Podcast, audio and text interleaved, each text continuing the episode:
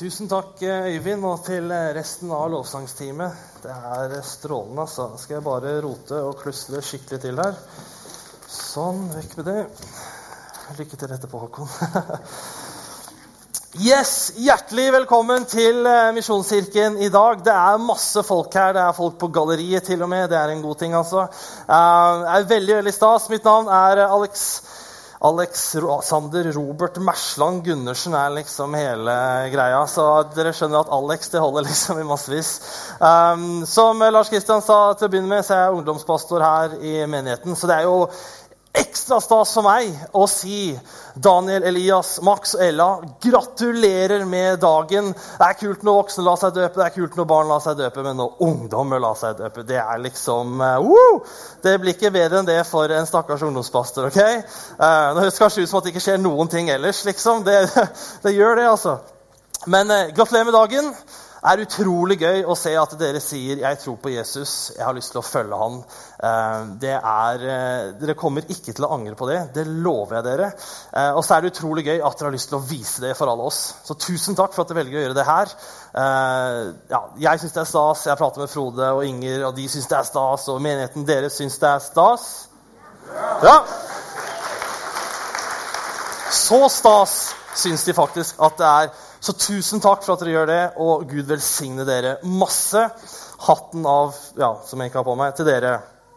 Eh, og til familie og venner som er med. Tusen takk for at dere er med og støtter dem. Takk for at dere er med her og heier på dem, takk for at dere er med og backer dem og sikkert skal feire dem etterpå. Eh, det betyr mye for de. Uh, og Uansett om de setter pris på det eller ikke. Men tusen takk altså som ungdomspastor, takk for at dere er med og støtter disse ungdommene uh, som har valgt å tro på Jesus. Vær så snill, fortsett med det. Um, tusen, tusen takk. Uh, wow, dette er gøy. Um, vi er i en taleserie som heter Tro og hverdagsliv. Um, det er en taleserie hvor vi går gjennom Jakobs brev. Eh, og Vi er nå i nest siste tale i denne serien. Siste tale kommer neste uke. Det er liksom sesongavslutning. Eh, og Vi går gjennom Jakobs brev. Det er altså da en bok i Bibelen. og Hvis du er litt nysgjerrig på hvorfor et brev kan være en bok, og sånn, så ja, slå det opp på Google. Eh, du finner masse kloke svar på det der. men Jakob han er da broren til Jesus, eller var broren til Jesus.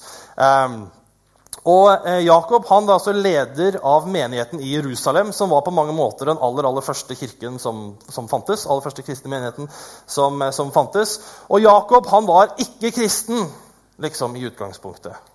Han trodde ikke på broren sin. Når broren hans sa liksom, det er Messias, ikke sant? det er Guds sønn, jeg er kommet her for å frelse deg og redde deg, og alt dette her, så sa Jakob i utgangspunktet nei, det tror jeg ikke jeg på. Nei, det tror jeg, jeg. Det tror ikke jeg på. Um, og Jeg vet ikke akkurat hvordan det har gått til, men det har endt opp med at det er noe som har skjedd. Jesus har møtt Jakob på en eller annen måte som har gjort at Jakob har vendt om. Uh, han blir kristen, han blir også en kristen leder, leder denne menigheten som sagt, og skriver dette brevet som vi nå uh, har gått gjennom i denne taleserien Tro og hverdagsliv. Uh, vi skal lese noen vers derfra. Det er de dere har på veggen bak meg her. Eh, det er altså Jakobs brev, kapittel 5, vers 7-8, som vi skal lese. Vær da tålmodige søsken, til Herren kommer. En bonde må vente på den dyrebare grøden fra jorden. Det er liksom avlingen den har sådd ned og som har vokst opp, som skal høste inn. Eh, og være tålmodige til både høstregnet og vårregnet har falt. Også dere må være tålmodige og gjøre hjertene sterke, for Herren kommer snart. Denne talen heter 'Det er verdt å vente'. Jeg har fått noen spørsmål om dette er en tale om sex. Det er det ikke. Så er liksom alle klare på det. Det er verdt å vente. Um, hvem liker å vente? Og Hvis du rekker opp hånden nå, så kommer jeg til å dømme deg sannsynligvis og sette deg i en bås og tenke 'wow, for et menneske'. altså. Uh, men hvem er det som liker å vente? Trives godt med å vente og syns 'å, det er stas', liksom når det jeg gleder meg til, ikke skjer, liksom. Det er gøy. Hvem er, Liker dere å vente? Max Ella? Nei. Nei, ikke i det hele tatt, faktisk. um, men liksom, foreldre, hvor mange av dere har hørt barna deres spørre spørsmålet Er det lenge igjen nå? Sant? Er vi snart framme? Er vi snart framme nå? Sant? Kan vi stoppe? Kan vi være framme nå? Ja, det er ikke så gøy å vente. Um, jeg husker, eller venter på julaften. da. Da er det en stund siden de fleste av dere var små barn og venta på julaften. Men prøv å tenke tilbake liksom dere var barn og venta på julaften. Og først i kirka ikke sant? og på med finstasen. Og så middag. ikke sant? Og ja, det var godt, men liksom Og så var det kaffe ettermiddag. Og så endelig, liksom. Eh, jeg er ikke vant med å feire julaften. Jeg, moren min er fra Canada, så jeg er vant med å feire første juledag. Så julaften for meg det var liksom piece of cake. Det var liksom ikke noe problem. Eh, det var bare en, en, en annen dag. Men jeg husker at eh, vi feirer på, på morgenen første juledag. Det er viktig.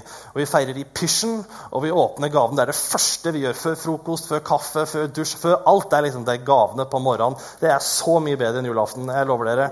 Uh, men, uh, men, jeg husker da vi var små, så prøvde vi å legge oss så sent som overhodet mulig på julaften, sånn at vi var så trøtte at vi sovna med en gang. Sånn at det tok liksom kortest tid før vi våkna. liksom. Skjønner du hva jeg mener? At ikke liksom, ja, i hvert fall. Eh, men vi liksom la oss, liksom, la oss kanskje vet ikke, klokka 11 eller noe, sant? var kjempetrøtte. Og så liksom, våkna lys våken sånn ti over 11. liksom. Sant? Sovne igjen, og så våkne klokka fire. ikke sant? Og mamma har sagt at det ikke blir jul hvis vi kommer inn og forstyrrer henne før klokka seks. ikke sant? Og det er sånn, eh, men jeg husker den der, den der ventefølelsen. Det var på en måte fantastisk, for du visste at det kom noe godt. sant? Så var det liksom, å, jula er snart her. Og så var det helt forferdelig. Grusomt. For jula var jo ikke her. Den var jo der. Har dere tenkt noe på hvor mye tid vi bruker på å vente? Jeg tror nesten man kan argumentere for at du bruker hele livet ditt på å vente. Hvert sekund og minutt og time, dag, måned, år på å vente. Er det noen av dere som når dere kommer dere ned, kommer dere ned, kommer dere på jobb, setter dere ned liksom på pulten, eller ja, i, i, stolen gjerne, ved pulten? eh, kanskje noen sitter på pulten, dere om det. Eh, og så liksom, med en gang dere setter dere ned, så, liksom, så begynner nedtellinga til klokka fire. Er det noen av dere som er sånn? Det er som, åh, nå er, det, nå er det åtte timer igjen. sant? Nå er det, timer, det er syv timer og 50 minutter igjen. ikke sant? Syv timer og tre kvarter på tide med pause. ikke sant? Altså, det er liksom vente på jobb. sant? At nesten hver jobbedag er venting. Altså, ja, dere gjør sikkert noe og, og er produktive, alt dette her, men, men liksom, det, altså, vente på å komme hjem. Eh, nå er det snart påske. sant? Det er sikkert mange av dere som venter på påskeferie. Venter dere på påskeferie? venter veldig på påskeferie. sant? Reise på hytta eller stå på ski eller liksom, oppleve snøen som ja, etter at jeg flytta Det er jo ikke snø her, det er trist, altså. Um, ja, det er mye flott i Stavanger, men akkurat det har dere virkelig ikke skjønt ennå. Um, vi bruker utrolig mye tid på å vente. Um, vi venter på ting som vi gleder oss til. Ting som skjer der framme, som vi gleder oss til. Vi venter på ferie, som jeg nevnte. Jeg har venta på denne helgen, for denne helgen så uh, har jeg gleda meg til denne søndagen. fordi at Maxwell og Daniel Elias har døpt seg. og Det har jeg på. Det er noe jeg gleder meg til. Så også jeg og Helene, kona mi, vi har besøk i dag. Jonas og Hanna. Vær greie med de. Tilby dem jobb og sånn, så de får lyst til å flytte hit. Flytte fra Kristiansand eh, til oljebyen. Eh, fantastiske folk, liksom, kjempegode venner. Um, og Det er noe jeg har venta på. Jeg gleder meg til det. Um, men vi venter på ting som vi gruer oss til òg. Kanskje du venter på en samtale som du skal ta til uka, som du bare ikke har lyst til å ta. Men fordi uh, det er ditt ansvar, eller du er i den situasjonen du er i, så er det en samtale du må ta. Og det er bare du som kan ta den. Kanskje du venter på noe du gruer deg til. Eller kanskje du venter på tannlegetimen. Det er noe jeg gruer meg til, så derfor har jeg utsatt det nå i sånn tre-fire uker. å bestille den der himla timen. Tannlege er noe jeg kan vente lenge på. Vi venter på ting som vi gleder oss til, vi venter på ting som vi gruer oss til. Men vi venter utrolig mye. Bare en sånn liten parentes om eh, venting. Eh, når jeg snakker om venting, så snakker jeg ikke bare om en sånn, en passiv eh, sitte på venteværelse hos tannlegen, lese hjemmet, for det er det eneste bladet som er der. Venting. Det er ikke, det er ikke sånn finne tommeltottene-venting. Det er ikke bare det jeg snakker om. Men jeg tenker også på en venting hvor vi, vi, vi lever livet vårt, og vi styrer og vi steller og vi gjør mye forskjellig, men, men vi venter på at noe skal skje. Kanskje vi venter på at noe skal starte. Sant? Jeg gleder meg til å starte på ungdomsskolen eller på videregående. Eller jeg gleder meg til å starte på studier eller jeg gleder meg til å starte meg en ny jobb. Sant? Eller kanskje jeg gleder meg til å starte et nytt prosjekt eller jeg gleder meg til å starte å pusse opp. Hvis det er noen som, hvis det er mulig å glede seg til. Uh, eller kanskje jeg gleder meg til å komme altså Det er liksom noe der framme som skal skje, som jeg gleder meg til, som jeg venter på. Eller kanskje det er noe du venter på, at venter på at noe skal avslutte. sant? Jeg gleder meg til å bli ferdig med ungdomsskolen, eller ferdig med videregående, eller ferdig med studien, eller ferdig med denne jobben, eller ferdig med dette prosjektet, eller ferdig med den himla oppussingen. Altså, kanskje jeg gleder meg til å avslutte noe. Det er også sånn type venting jeg mener. Altså, en venting hvor vi lever og gjør mye og er aktive, men vi allikevel venter på noe som ligger der framme. Jeg tror det er en enorm del av vår eksistens. På En måte En del av det å være menneske, en del av våre liv, det er å vente. Og det vi venter på, det vi venter på der framme, det har enorm påvirkning på det vi gjør her og nå. Altså Det vi venter på der framme, selv om det er der framme og ikke har skjedd enda, eller ikke har kommet enda, eller ikke har avsluttet enda, eller ikke liksom har blitt virkelighet, så har det allikevel enorm påvirkning og innflytelse på hva vi gjør her. Og hva som skjer nå, og hva som skjer før det eventuelt blir til det vi venter på. F.eks. hvis du sitter på jobb og bare teller timer til du kan gå hjem, så gjør det sannsynligvis noe med hvordan du jobber. Jeg har hatt dager her jeg skal helt ærlig, jeg kom på kontoret klokka ni, for jeg jobber i kirka. så jeg ikke å begynne før klokka ni. Det er veldig deilig. Og så setter jeg meg ned og tenker jeg, åh, det er lenge til fire. altså. Det er skikkelig lenge. Og, skal, åh, og så begynner jeg å skrive litt, og så begynner jeg kanskje å forberede noe. Eller jeg begynner å sjekke mail. Det er jo alltid en glede. Uh, lese de og liksom, åh, svare på det og ta stilling til sånn. Bør, vil du være? Nei, ikke sant? Og så, og så gjør det noe med motivasjonen min når jeg hele tiden tenker på åh, jeg gleder meg til jeg er ferdig. Og de dagene hvor jeg bare venter på å bli ferdig på jobb, er stort sett ikke de beste dagene på jobb.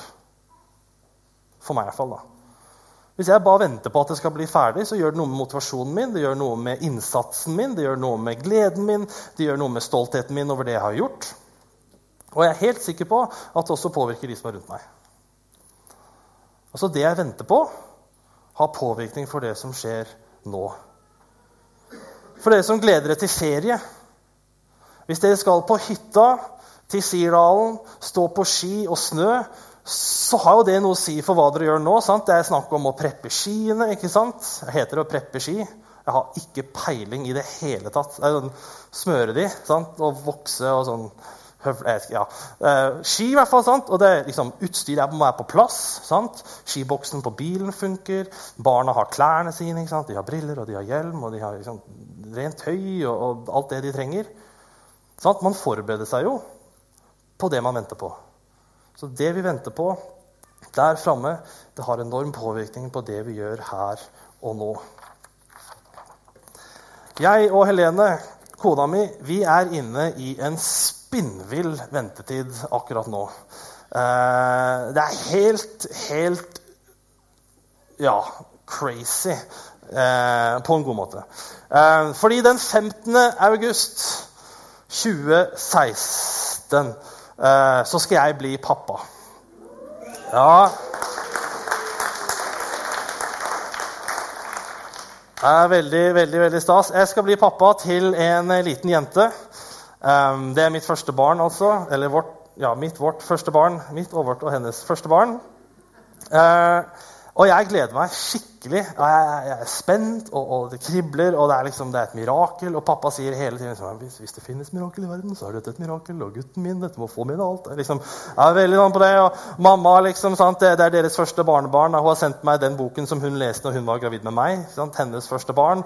Og det er kjempesøtt. Og så er det noen bilder der som bare Wow! ja, litt tidlig. Um, så, altså, det, og jeg gleder meg så til å endelig skjønne hva det vil si å være far.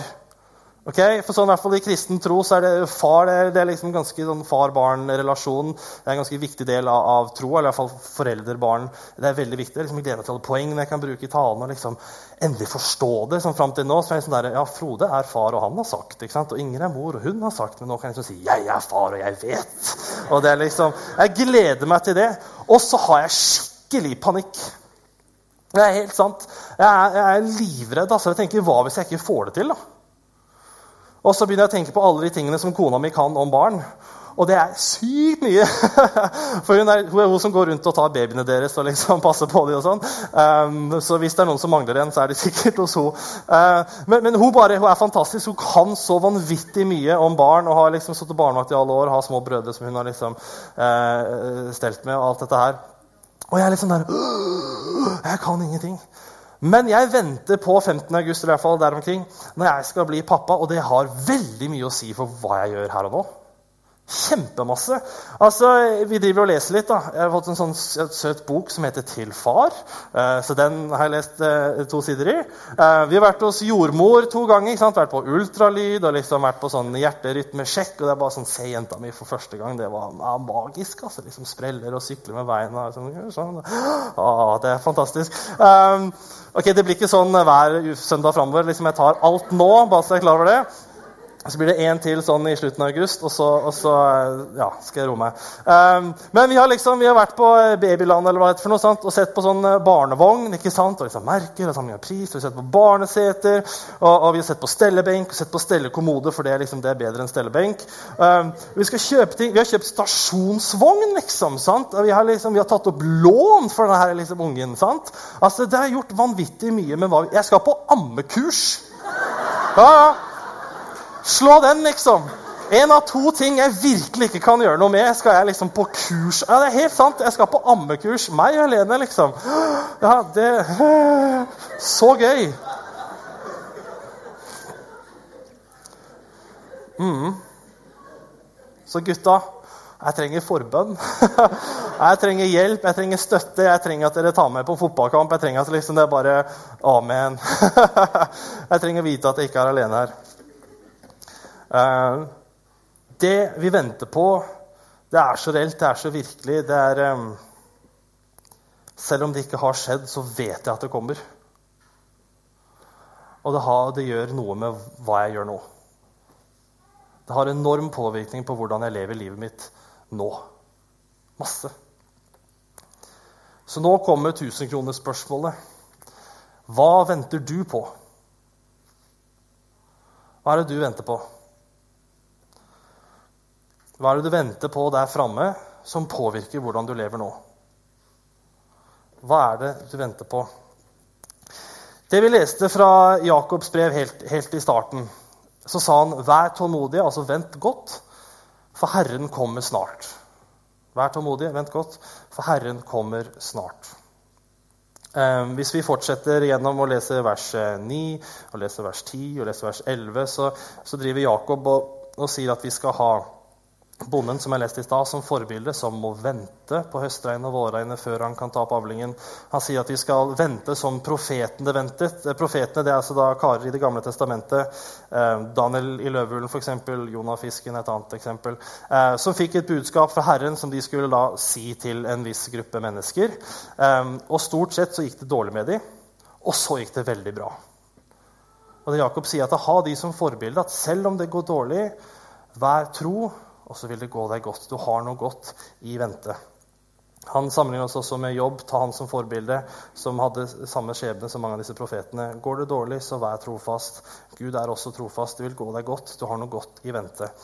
Um, vær tålmodig, for Herren kommer snart. Det er en kjempesentral del av den kristne troen. Det er at Jesus en dag skal komme igjen. Uh, han har kommet en gang for 2000 år siden ca. Uh, men vi tror også at en dag så kommer han til å komme igjen. Eh, det er noe vi kanskje ikke snakker så veldig mye om. Eh, jeg tenker lite på det, for å være helt ærlig. Men det er en sentral del at han skal komme tilbake igjen. Og når han kommer tilbake igjen, så skal det skapes en ny himmel. Det skal skapes en ny jord. Vi som tror på Jesus, skal bli reist opp igjen fra de døde hvis vi har dødd før han kommer tilbake, eh, og få nye kropper. Jeg skal være meg, men jeg skal være perfekt. Jeg skal være Alexander Robert Mersland Gundersen, men jeg skal være en perfekt versjon av meg. Helene skal være Helene, men perfekt. sant? Så akkurat sånn som hun er nå. Score! Uh, men uh, når Jesus kommer tilbake, så er det, noen av de tingene som skal skje. Det skal komme ny himmel, ny jord, ny kropp. Vi skal være perfekte. Og det er dette vi kaller for himmelen, eller paradis, eller det evige liv. Det er liksom det det sikter til. Okay? Det er det som kommer til å skje når Jesus kommer tilbake. Og hvis du har lyst til å ende opp der, hvis det er dit du vil, hvis det er det du har lyst til å vente på, hvis du vil at det skal være på en måte slutten, det er det du kan vente, det er liksom endestasjonen det er på en måte Uansett hva som skjer her, uansett hva som skjer i morgen, uansett hva som skjer på en måte i det livet du har fått nå Hvis det er dit du har lyst til å ende opp, så er det én ting som gjelder. At ikke hvor du kommer fra, eller hvor du er på vei, eller jobben din, eller pengene dine, eller klærne dine, eller utseendet ditt, eller hva du har oppnådd, eller hva du ikke har oppnådd, eller relasjonene dine, om du er gift eller ikke gift, eller barn eller ikke barn. Det har ingenting å gjøre med noe av det. Men det er én ting som gjelder, og det er å tro på Jesus. Punktum. Det er tro på Jesus. Det handler ikke om hva du kan, eller hva du føler, eller opplever, eller tenker, eller tror, eller mener om deg selv eller om andre. Det handler om å tro på Jesus. Det er det eneste som skal til for å komme opp der. En liten parentes. Dette er en viktig parentes, men den er liten. Um, hvis det er noen dere, det er sikkert en del, uh, som lurer på hva med de som ikke tror på Jesus Denne talen handler ikke om det, jeg har ikke tid til å gå gjennom det nå. Uh, men det er et kjempelegitimt spørsmål. Okay? Hva med de som ikke tror på Jesus? Hva skjer med de? Kjempegodt spørsmål. Eh, og hvis det er noe som du syns er vanskelig, eh, hvis det er noe som plager deg, eh, og spesielt hvis det er noe som hindrer deg i å tro At du tenker Jesus er bra, men jeg, skjønner ikke dette helvete. Og de som ikke tror, og hva med det? Og, nei, det blir for vanskelig for meg. Hvis det har gjort at du har lagt troen på is, så vær så, vær så, vær så snill, spør. Okay? Det fins en del svar på det, og jeg skal ikke ta det nå. Men, men vær så snill og spør. Okay? Frode, for eksempel, kan du veive? Frode. Eh, kjempedyktig type, kjempeintellektuell. Hvis du trenger å vite hvordan ting liksom henger sammen, og skjønne det, og hvordan går det opp, og hva er greia, så spør han. altså. Inger, også vanvittig dyktig. Spør henne. Og hvis du trenger liksom, bare en trøst, en klem liksom, Jeg skjønner ikke hvordan dette henger sammen. Kan du bare si at det kommer til å gå bra? Ikke gå til Frode, gå til Inger. ok? Dere er i kjempegode hender hos de to, og da trenger ikke meg, så da kan jeg gå hjem etterpå. og det er bra. Ok, så Jeg skal ikke bruke mer tid på det enn det, men bare vit at hvis du tenker på de tingene, lurer på det, og det plager deg, det er vondt, det er kjipt, det er kjempegode spørsmål. ok? Spør Frode Inger eller meg eller noen andre som du har tillit til. Vi skal ikke ta det nå. Hvis du har lyst til å komme til himmelen, så er det én ting som gjelder. Det er troen på Jesus. Eh, vi skal lese et eh, vers, eller to vers fra Johannes' åpenbaring. Det er den siste boken i Bibelen skrevet av Johannes. Han var altså da disippelen til Jesus. og Man kan få inntrykk av hvis man leser i Bibelen, at uh, Johannes kanskje til og med var bestevennen til Jesus. Altså den disippelen som sto Jesus nærmest. Uh, så dette er da eh, liksom en av de beste vennene til Jesus som skriver dette her. Etter at Jesus døde, så fikk Johannes et syn, og i det synet han skriver det ned, og det har blitt Johannes' åpenbaring, siste boka i Bibelen. Står veldig, veldig mye rart om det som kommer til å skje når Jesus kommer igjen. Det vi skal lese fra nå, det er altså da kapittel 21, det nest siste kapittelet i Bibelen. Og Vi skal lese et par vers hvor Johannes beskriver himmelen. Han får et ørlite, kort, begrenset blikk på hva himmelen er. Og Det er det vi skal lese nå. Det er en fantastisk beskrivelse. Jeg skal lese ett vers som ikke står der. og så kommer vi, Jeg skal lese vers 3, og så kommer dere inn i vers 4 her. Fra tronen hørte jeg en høy røst som sa, Se, Guds bolig er hos menneskene. Han skal bo hos dem, og de skal være hans folk. Og Gud selv skal være hos dem. Han skal være deres Gud. Og så kommer vers 4 her. Der. Han skal tørke bort hver tåre fra deres øyne. Og døden skal ikke være mer. Altså ingenting død. Heller ikke sorg, ikke skrik eller smerte, for det som en gang var, er borte.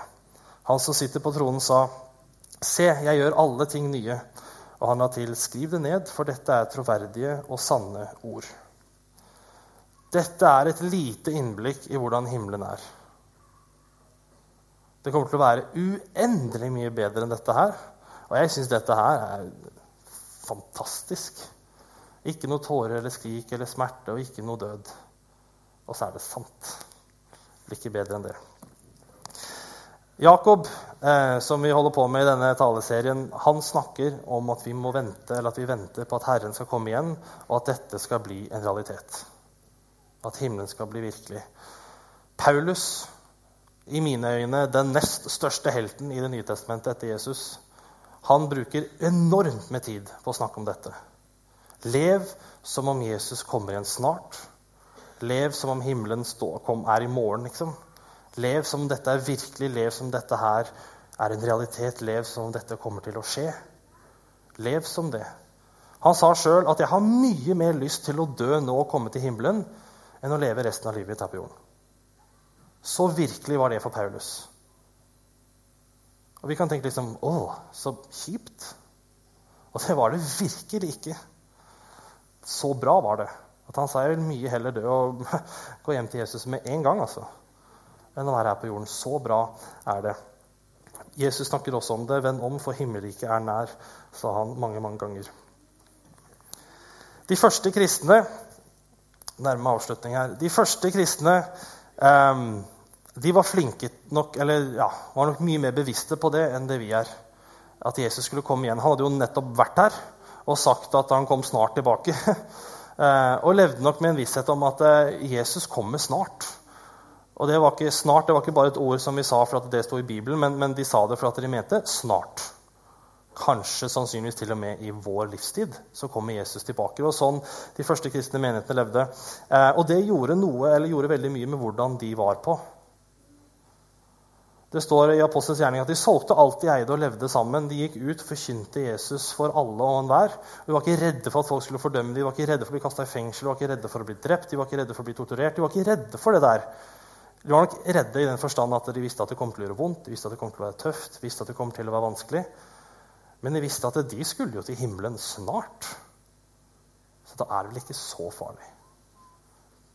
De ventet på himmelen, og det påvirket de masse. Nå har det jo gått 2000 år da, siden Jesus var her.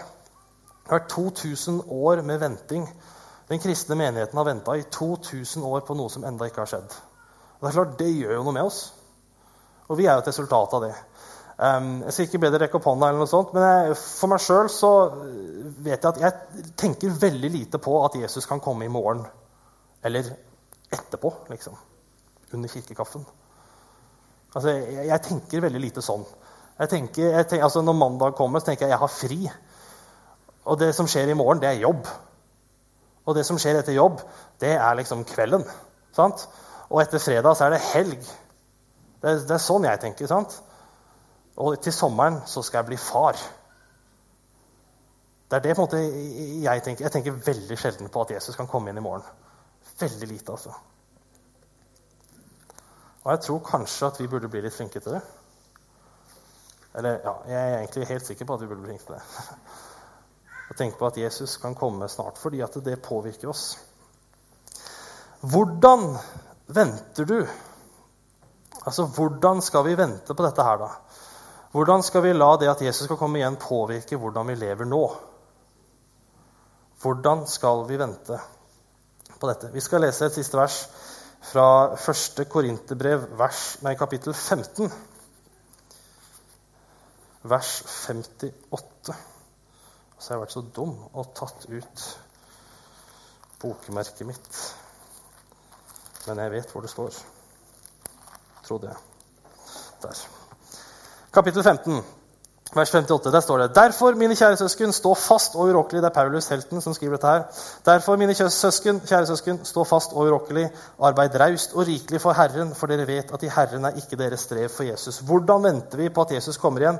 Ikke, altså det verset er ikke svaret på alt, men det sier veldig mye. Jeg skal trekke fram to ting før vi avslutter. Det første Paulus sier, er at det står fast og urokkelig.